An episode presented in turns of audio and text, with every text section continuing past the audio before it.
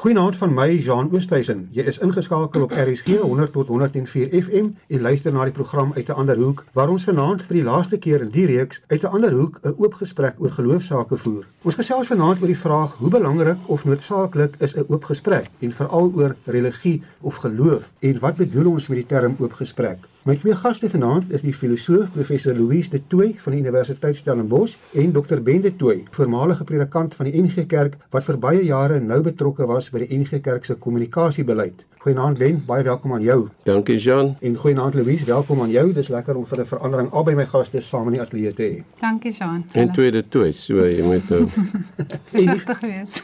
En die familie van mekaar. Ben en Louise, wanneer 'n mens praat van 'n oop gesprek, dan dink 'n mens onder andere aan die Afrikaanse denker NP van Wyk Lou wat vanjaar 50 jaar gelede oorlede is. Louise, miskien moet jy net ter inleiding vir die luisteraars verduidelik wat bedoel ons met 'n oop gesprek? Wat behels die begrip oop gesprek? Dis 'n baie interessante tradisie Jean van Wyk Lou self het gepraat van dat hy Sokrates se model navolg. Daar's byvoorbeeld een van sy vroeë opstelle wat hy genoem het 'n gesprek waarin niks beslis word nie. Dit is 'n opstel waarin hy en 'n vriend onder 'n denneboom teen Tafelberg se hang gaan lê en nadink oor 'n kwessie. Die idee van 'n oop gesprek by Van Wyk Lou is die gesprek wat enerzijds oop is na buite, oop is vir nog stemme om in te kom, maar in die tweede plek ook nie 'n saaklike gesprek is afgestem op 'n besluit nie, maar 'n gesprek wat verkennend is, sou ek sê. Ek dink die openheid lê veral in die verkenning. Hy probeer die volk se denke wakker maak. Hy wil ons denke oop hark met sy opstelle, soos wat 'n hark die grond in verskillende fore oop hark. Hy het 'n ander mooi beeld wat hy sê, so netsaaklik soos wat bloedsomloop vir die liggaam is, is die oop gesprek vir 'n volk. Dit is met ander woorde dit bring suurstof na die volk toe. Dit maak hom ook selfstandige eenheid. So dit is wat die volk as 'n volk aan die lewe hou as dit ware. Die Egenaar het van hom gesê sy grootste bydrae is dat hy die Afrikaner geleer het om radikale volkskritiek as 'n lewenshouding te kultiveer. Nou ek weet nie presies hoe ver dit van Wyk Lou daarmee gekom nie, maar hy het ten minste probeer en ek sou sê dis amper belangriker daai klem op die proses, die meganisme, die struktuur van die oop gesprek belangriker as enigiets wat van Wyk Lou self inhoudelik bygedra het tot die gesprek, maar daai idee van ons moet die oop gesprek voer. So omdat dit vir hom gegaan het oor 'n soort van 'n intellektuele mondig veiligheid. Afrikaners moet vir hulle self dink, hulle moet hulle eie plek in die wêreld vind. Hulle moet self deur al die moeilike vrae dink en dit in Afrikaans verwoord. Ben Louis praat van die noodsaaklikheid van 'n oop gesprek en dat dit soos 'n suurstof eintlik moet werk vir die mens. Nou wil ek graag vir jou vra, watter belang dink jy het 'n oop gesprek op religie? Moet daar ook religieuse oop gesprekke wees? Want ons weet oor die jare was daar baie invloedryke filosowe en ook teoloë wat ook groot bydraes gelewer het in die openbare gesprekke oor geloof. Hoe belangrik is 'n oop gesprek oor geloof? Jean, kan ek eers vir Louis iets vra as ek mag? Want dis nogal my belangrik om dit te weet. Wat is die konteks van die oop gesprek waaroor MP van Wyk Lou praat? Wat maak dit toe? Wat maak dit oop? Is dit die opkoms van nasionalisme? Is dit die opkoms van apartheid? Wat is dit met ander woorde dus die autoritaire iets denke strukture wat ook al wat tot hierdie oproep oop hark van die konteks is vir my baie belangrik want ja. ek dink dit gaan wat die kerk aanbetref dan ook nogal belangrik 'n ja. rol speel. Ek dink in sy geval die opstel waar hy eintlik 'n soort van 'n sokratiese gesprek voer, dis voor apartheid, dis nog vroeër, jy weet, so daar gaan dit vir hom veral oor om 'n intellektuele lewenshouding by die Afrikaner te kweek en dis dan veral teenoor wat in die Anglo-Boereoorlog gebeur het en teenoor Engelse oorheersing. Ons moenie ons idees van die Engelse afoor nie. Moenie in 'n vreemde taal oor ons situasie dink nie. So dis waar dit begin het. Maar natuurlik, soos wat hy polities ook meer begin skryf het, hy in sy later jare baie meer oor etiese sake begin dink en oor die politiek van saambestaan met ander volke naas mekaar, voortbestaan in geregtigheid en nie net blote voortbestaan nie. Dit het hy natuurlik aan sy eie lyf ook die magtige gevoel wat die gesprek wil toemaak. Toe hy gekritiseer is vir sy dramas byvoorbeeld wat hy geskryf het die Pluimsaad waar hy ver en so. So ja, dit is politieke agendas, dit kan dogmatiese agendas wees, dit kan fundamentalistiese agendas wees. Immanuel Kant sê daar's twee goed wat maak dat 'n mens nie oop gesprekke wil of kan voer nie. Dis lafhartigheid en luiheid. As jy bang is oor wat daar kan uitkom, dan maak jy die gesprek toe. Jean wat die kerk aanbetref, ek dink is dalk belangrik dat 'n mens onderskeid maak tussen teologie en kerk. Teologie wat homself of sigself wil bevind binne 'n akademiese konteks, kan nie anders as om blootgestel te wees in 'n oop gesprek nie. Dit is onmoontlik. So iets is net doodgewoon nie haalbaar nie. En ek dink wat die teologie aanbetref is daar sonder dat dit nou formeel aangekondig is of gepraat is oor die oop gesprek, het 'n mens al daarvan spore redelik vroeg in die 70er jare al. Ek is nou versigtig om uh, tyd te sê, maar 'n mens kry dit in in die werk van Ferdinand Duist byvoorbeeld. Jy kry dit uitermate duidelik en seker in Wenzel van Huisteen se werk wat hy gedoen het. Sy doktorsverhandeling wat die titel het Die teologie van die rede. Kom ons praat oor hierdie goed. Kritiese geloofsverantwoording, kritiese realisme is alles terme wat opkom vanuit sy teologie en daar's baie ander name selfs nog vroeër as dit het ek besef dat David Bosch met sy werk rondom die evangelie binne kulture wat verskillend is alreeds met 'n oop gesprek tipe van ding begin. So ek dink die gereformeerde tradisie is sonder om dit te benoem as 'n oop gesprek langer as wat ons dink alreeds daarvoor ruimte gegee binne die teologie. As ons kom by die kerk en godsdienst is 'n ander ding, maar laat ek eers net tot daar nou praat. Louis, maar wanneer ons praat van 'n oop gesprek vir al onder gewone mense, dan is daar tog seker sekere voorwaardes want so 'n gesprek kan baie maklik net in 'n gebabbel of in 'n slegsêery ontaard. Wat sê jy die belangrikste voorwaardes noem vir 'n sinvolle oop gesprek? Dit moet verskillende standpunte bevat. So dan moet ten minste twee opponerende standpunte wees in die gesprek, twee perspektiewe wat met mekaar in gesprek gaan en die veronderstelling is hulle is verskillend van mekaar. Maar dan moet die as dit ware die logika van die gesprek moet oorneem sodat daar nuwe insigte tussen die twee perspektiewe kan ontwikkel. So die gesprek gaan nie net daaroor dat mense bring hulle perspektiewe na mekaar toe en beklei daaroor nie. Die gesprek gaan daaroor albei vind beter uit wat hulle eintlik glo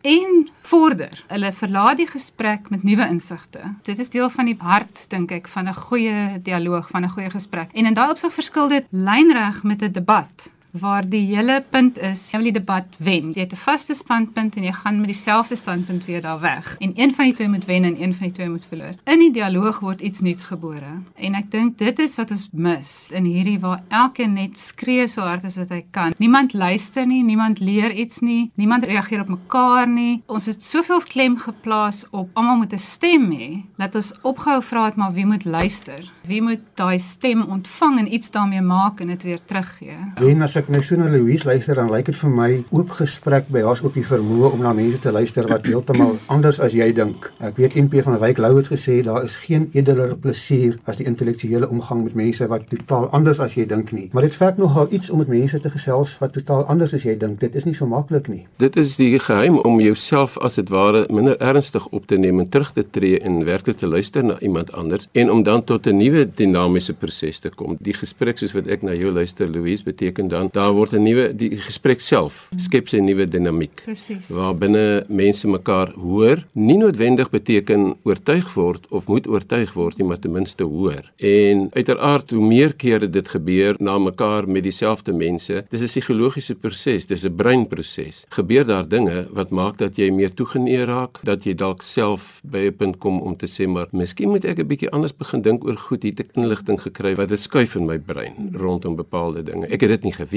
nie. Nou weet ek dit. Nou, hoe moet ek dit integreer in my denkraamwerk? So dit is die hele punt van 'n oop gesprek is dat daardie soort van dinamiek sal plaasvind en dat 'n mens dit sal toelaat, maar behalwe dit, dink ek is belangrik Jean, dat die struktuur waarbinne jy is, dit sal kan toelaat en dit kan akkommodeer en verduur. Want as jy binne 'n autoritaire soort van konteks dit probeer doen, maar die laaste seggenskap is nog steeds om te sê, okay, ons het nou mooi na julle geluister, maar kom ons sê nou vir julle wat is die storie, dan het ons nie by 'n oop gesprek gekom nie. Absoluut. Ek ek dink dit is 'n belangrike punt wat Ben daar doen Louise as mens kyk, jy weet dat die struktuur dit moet toelaat. As ons teruggaan na Sokrates toe, hy moes gif drink. NP van Wyk Lou en Verwoerd het ernstig gebots en op Stellenbosch was daar die teoloog Johannes Du Plessis en mense soos Johan Degenaar wat die wind kwaai van voor gekry het. Dit kom soms teen 'n hoë prys nie waar nie. Nee, definitief. 'n Werklike oop gesprek is selde in die belang van die magshebbers en jy kan dit in enige konteks plaas. Daai uitspraak, dit kan wees binne 'n universiteitskultuur en strukture, dit kan wees binne 'n kerkstrukture, dit kan wees binne selfs die strukture van wetenskaplike navorsing dat mense nie regtig die moeilike vrae op die tafel wil sit nie. So ek dink elke konteks sodra iets geïnstitusionaliseer het, dan staan magsbelange en die Duitse filosoof Jürgen Habermas praat oor al die magte wat die oop gesprek bedreig en dis veral magsbelange en ideologiese standpunte en hy praat van die ideale gespreksituasie en dan sê hy alle magsoorwegings moet daar uitgeweer word. Ben maar baie mense hou nie daarvan om hierdie ander standpunte te hoor nie. Ek sien dit dikwels ook uit sommige reaksies uit op hierdie program. Waarom dink jy voel baie mense so bedreig wanneer hulle standpunte hoor wat nie met die tradisionele of met hulle eie oortuigings resoneer nie? Jan, dit is seker nie 'n eenvoudige antwoord daarop nie, maar een definitiewe punt sal wees die woord wat jy van bedreig gebruik het. Dit daar's angs. Daar is iets van dit wat ek kan verloor. Dit het wat my aanbetref baie te doen met hoe ons groot word, hoe ons breine van kleins af ge geprogrammeer word om bepaalde dinge op 'n sekere manier te dink wat nou uniek is aan die Homo sapiens om hierdie verbeelding te kan hê om sekere dinge vir jou te kan inprent. En een van die belangrikste goed wat die ontstaan van godsdiens tot gevolg gehad het is die moontlikheid om die dood te bedink en wat dit vir jou inhou. En as jy nou op hierdie stadium jou blootstel aan iets wat dit kan bedreig dan maak dit mens bang. So ek dink die ding hoekom mense daarop sou reageer al het hulle dit vir hulle self nie so uitgewerk nie gaan jy op die ou end iets vind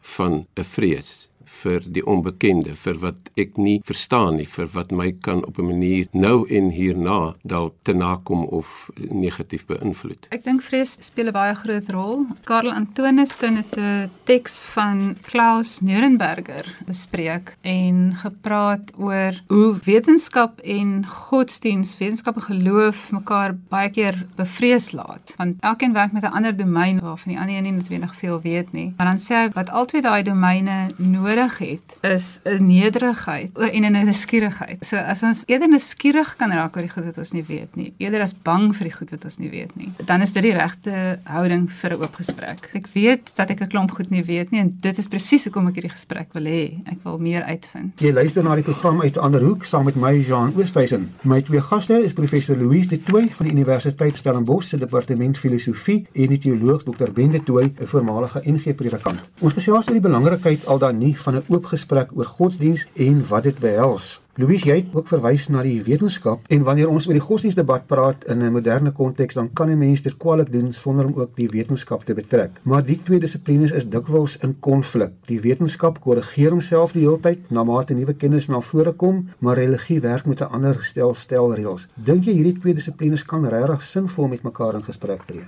Ek dink so, maar ek dink net as die wat ons nou eintlik begin uitwys het is die deugde wat 'n mens nodig het om 'n gesprek mee te kan voer. As daai deugde teenwoordig is is. Tot 'n groot mate die konflik of die botsing tussen die twee dissiplines word veroorsaak deur karikature aan albei kante. Die slegste beeld van die wetenskap is die beeld wat sê die wetenskap het seker kennis en het vaste feite wat nooit gaan verander nie en het objektiewe feite. Die wetenskap werk nie so nie. Die wetenskap is 'n voorlopige konstruksie van modelle wat probeer om iets oor die werklikheid te sê. As jy 'n goeie wetenskaplike is en as jy 'n goeie wetenskapsfilosoof is, dan weet jy wetenskaplike aansprake is altyd voorlopig. Net so met die godsdiens, dink ek, ten minste in die teologie, moet daar altyd nederigheid wees ten opsigte van die kennisaansprake. 'n Diep verstaan dat ons is altyd besig met metafore oor God. Ons weet regtig nie en ons waag, ons probeer versigtig om iets te verwoord van hierdie misterie en ek dink as daai selfverstaan by beide teoloë en wetenskaplikes teenwoordig is, dan kan hulle geweldige interessante goed tussen die twee dissiplines uitbroei. Ben, 'n oop gesprek tussen godsdiens en wetenskap, is dit moontlik en hoe moet so 'n gesprek plaasvind? Ek wil nou weer dan onderskeid maak tussen die teologie en kerk.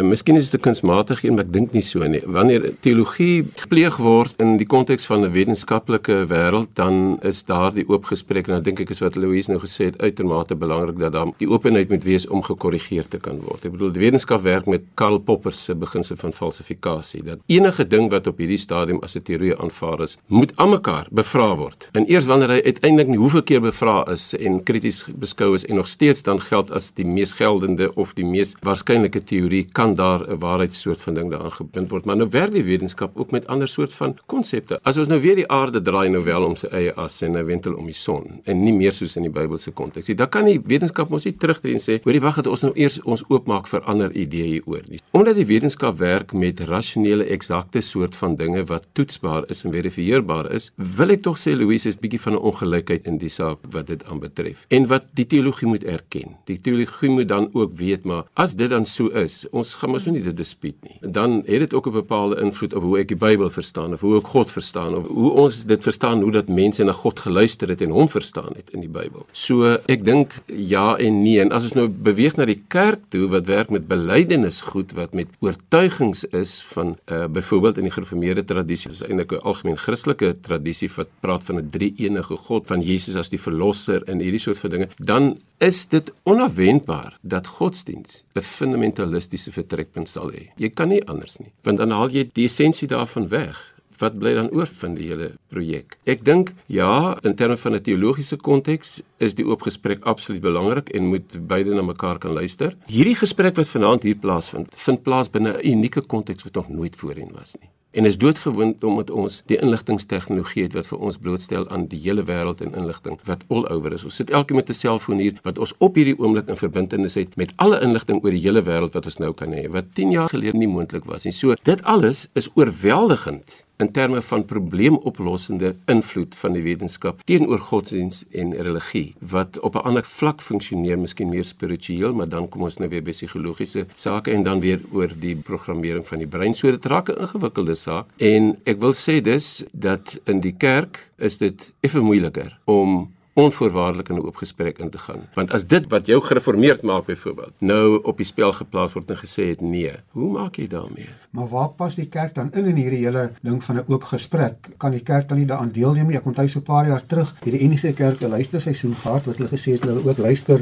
na die stemme wat buite hulle kring staan. Kan hierdie oop gesprek dan hoegenaamd in die kerklike kringe plaasvind of moet daar 'n totale ander platform voor wees? Ja, 'n luisterseisoen is dalk 'n goeie voorbeeld. Die luisterseisoen was daar om juist te luister na ander stemme, maar dan op 'n sekere punt, Jan, dan moet die kerk sê, "Oké, okay, ons het nou geluister, maar onthou nou wat ons glo." Ek meen dit is wat die kerk doen. Maar dan is dit nie 'n oop gesprek nie. Maar dan is dit nie oop gesprek nie. Presies. So. Want ons het nou nou gesê, dan moet ons eintlik kan skuif Ja, jy maar jy kan nie ek, ek bedoel ek luister baie graag na Islam in fokus. Ongelooflik hoe dat hierdie ouens donderdaande, ek weet nie wie daarna luister op SAK. Eh, dit is fantasties hoe dat nuwe teoloë in Islam akkommoderend is ten opsigte van ander godsdienste en Christelike geloof in Jesus mm. en alles, meer as wat die gereformeerde teologie ooit sal doen. Maar dan is dit in finale instansie in terme van wat hulle lees in die Koran. Daar lê hulle gesag oor dit wat hulle na vore bring. So die vraag wat ek regtig vir Louise wil vra is as jy altyd kan terugtreë in jou konteks na 'n gesagvolle iets waar agter nie ingevra mag word nie, is oopgespreek dan moontlik. Ek dink ons verskil oor hoe ons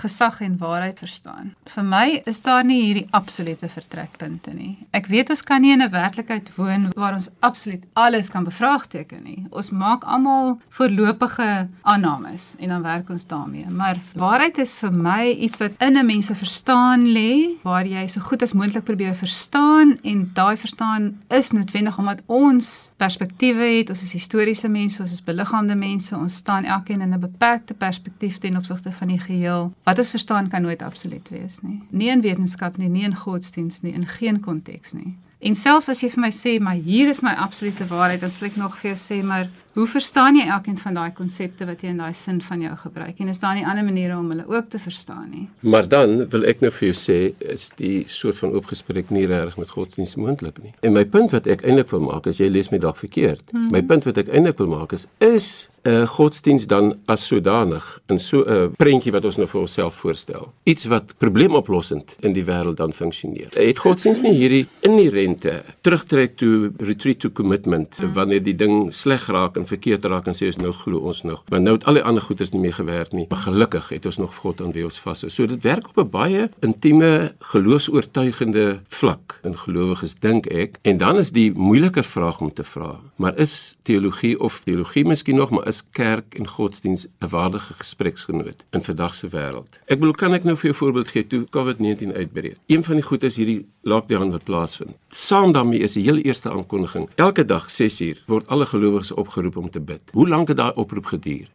Na tyd het dit verdwyn. Niemand het ooit daarna gewys nie want dis nie deel van ons oplossende probleem nou nie. Die oplossende probleem maar is nou die ja. wetenskap ja. wat vir ons gaan leer hoe om hierdie ding te hanteer. Ja, maar die wetenskap skep ook vir ons 'n groot klomp probleme wat die wetenskap self ook nie vir ons kan oplos nie. Ons maak 'n fout as ons vir die wetenskap 'n soort van monopolie gee op waarheid of op selfs wat jy noem probleemoplossing. Ek dink en dis ook dit kom ook baie mooi in Habermas uit dat hy sê die natuurwetenskappe en die vakke wat daarmee geassosieer is, meer medies, ingenieurswese en so aan probeer instrumentele probleme in die werklikheid oplos, soos om COVID aan te spreek. Ons probeer van die virus ontslaa raak en daarvoor is wetenskap en tegnologie uitstekend. Wat wetenskap en tegnologie glad nie vir ons mee kan help nie, is eksistensiële waarhede. Hoe moet ek dit hanteer as my ma siek word van COVID? OK, maar dis iets anders. Nee, maar dit is 'n ander soort oorweging en dit is baie belangrik om te sê die wetenskap kan nie daai goeters vir ons solf nie. En daarvoor het ons morele sisteme en spiritualiteit en godsdienstige insigte of konsepte of beelde nodig. Die wetenskap Okay, maar het 'n beperkte nut. Ek verstaan dit heeltemal as maar as jy psigologie, sielkunde en daardie ding ook as deel van die wetenskap beskou wat vir ons juis sou kan help met hierdie eksistensiële vraag van hoe moet ek dit hanteer? Maar hulle het nog minder sekerhede. Ek meen jy kan nou nog sê wetenskap is so seker as dit kom by gravitasie en fisiese kragte en so aan. Maar hoe seker kan ons wees in die sielkunde? Ons het eintlik ook maar net hulpvaardige metafore. So wat jy sê is met ander woorde godsdienst het beter sekerhede om mee te werk. Maar nee, godsdienst ook nie. Godsdienst is vir my soos sielkunde en die, dit probeer 'n ander stel vrae aanspreek as wat die natuurwetenskappe doen. Dit gaan oor die mens, die mens se siege, die waardes wat ons in die lewe vind. Hoe wil ons saam met mekaar leef? Die soort van goed wat die hermeneutiese sê nou maar as jy hermeneutiese dissiplines, die letterkunde, die godsdienst probeer ja. daai vrae aanspreek. Daar is nie feite nie. Dis nie empiriese goed nie. Ons werk met simbole, metafore, verhale wat vir ons help sin maak van goed. Godsdienst en kerk gaan altyd daar wees en daarom moet dit deel bly van enige gesprek. My vraag is, as ons oop gesprek definieer soos wat ons dit tot dusver nou gedoen in in hierdie gesprek, in hierdie oop gesprek. As ons dit nou gedoen het. En een van hierdie komponente wat in hierdie oop gesprek inkom, is godsdienst en kerk wat werk met onverhandelbare geloofs-oortuigings. Dit is mos onmoontlik as jy as 'n dominee in die kerk word of imam in die Islam en dat jy opstaan en vir die gemeente of vir die gemeenskap op die dag iets kom bring, sê dat so sê die Here dat jy nie met 'n bepaalde soort van gesag en sê maar dit is wat ons soos wat ons God verstaan, dit sê nie. Behalwe as jy heeltemal uitbeweeg uit daai soort van konteks, maar die godsdienste wat groei in die wêreld is die fundamentalistiese godsdienste, ja, meer fundamentalistiese. Ja. En dit help nie met hierdie probleem van die oopgesprek. Nee, dit sluit dit af. Fundamentalisme Dis my punt wat ek wil. Fundamentalisme in verskillende kontekste. Mense wat dink die wetenskap funksioneer op 'n sekere manier dat dit in absolute sekerhede Maar dit sê die wetenskap self nie. wel nie die goeie wetenskap Nou, maar dit is 'n wetenskap wat ek graag sou wil onderskryf. Maar dis ja. dis presies wat ek dan wil sê oor jou imam en jou dominee wat met groot gesag moet sê so sê die Here. Ek sal verskriklik graag dat die nodige nederigheid daar wil sien van julle mense. Hierdie is die, met die lig tot my beskikking wat ek vandag dink. En 20 jaar terug het ek anders gedink, maar nou dink ek die liefde van God beteken hierdie. En kom ons kyk saam na Babette's Feast, na 'n fliek en miskien werp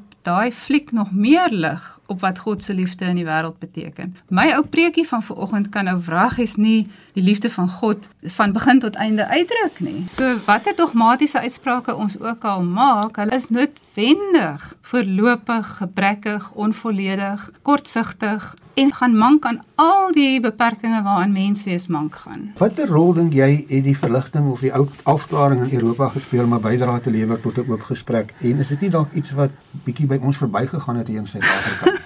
Het al baie keer so gedink, Jan. Ek het al gedink ons het, ons het net te vroeg uit Europa pad gegee en ons het die hele verligting gemis. Ek het net nou na Immanuel Kant se opstel wat is verligting verwys. En daar maak hy die onderskeid wat Ben ook nou maak tussen kerk en teologie byvoorbeeld. Hy praat van die openbare en die private rede en hy sê vir soverre jy 'n private rol en en hy bedoel dit op 'n heel spesifieke manier. Die analogie hier sou wees vir soverre jy op die kansel staan en sê so sê die Here, moet jy binne die gesagstrukture en die instelling se waarhede funksioneer. Die soldaat in die oorlog ook moenie in die aksie die besluite bevraagteken nie. En jy moenie as jy 'n dominee wil wees, alles wil bevraagteken wat jy eintlik moet verkondig nie. Maar dan het ons almal ook 'n publieke rede. En daar moet ons geen heilige koeie hê nie. So die soldaat kan in die openbaar sy openbare rede, sy publieke rede gebruik om die gemeenskap aan te spreek wat almal ook rasioneel denkende mense is om te sê dit is fout met die weermag en dit is fout met die kerk. Ek dink net ons het hier met werklike autoritaire strukture te doen wat in die instituut in gebed is. Jy kan dit nie wegdink nie. En daarvoor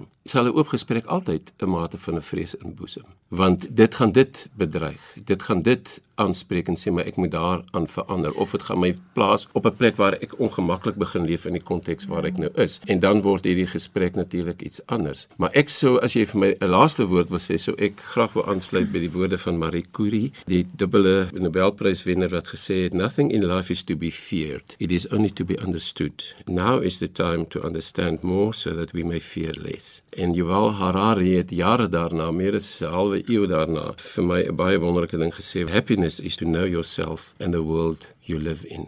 Daai kennis gee vir ons hierdie geluk. Nou op hierdie noot sal ons ongelukkig moet groet want die tyd het ons ingehaal. Baie dankie aan my twee gaste, professor Louise De Tooy van die departement filosofie aan die Universiteit Stellenbosch en dokter Ben De Tooy, voormalige predikant van die NG Kerk vir julle deelname aan vanaand se gesprek. As jy jou mening wil gee, kan jy vir my 'n SMS stuur na 45889 teen R1.50 per SMS of besoek ons Facebookblad uit 'n ander hoek. Dit bring ons dan aan die einde van hierdie reeks gesprekke uit 'n ander hoek. Baie dankie aan al die luisteraars vir die afgelope 13 weke saamgekuier het. Onthou, al die programme is ook as potgooi op RSG se webwerf beskikbaar. My e-posadres is jean.oosthuizen@gmail.com. Van my Jean Oosthuizen. Totsiens en geniet die res van die aand in RSG se geselskap.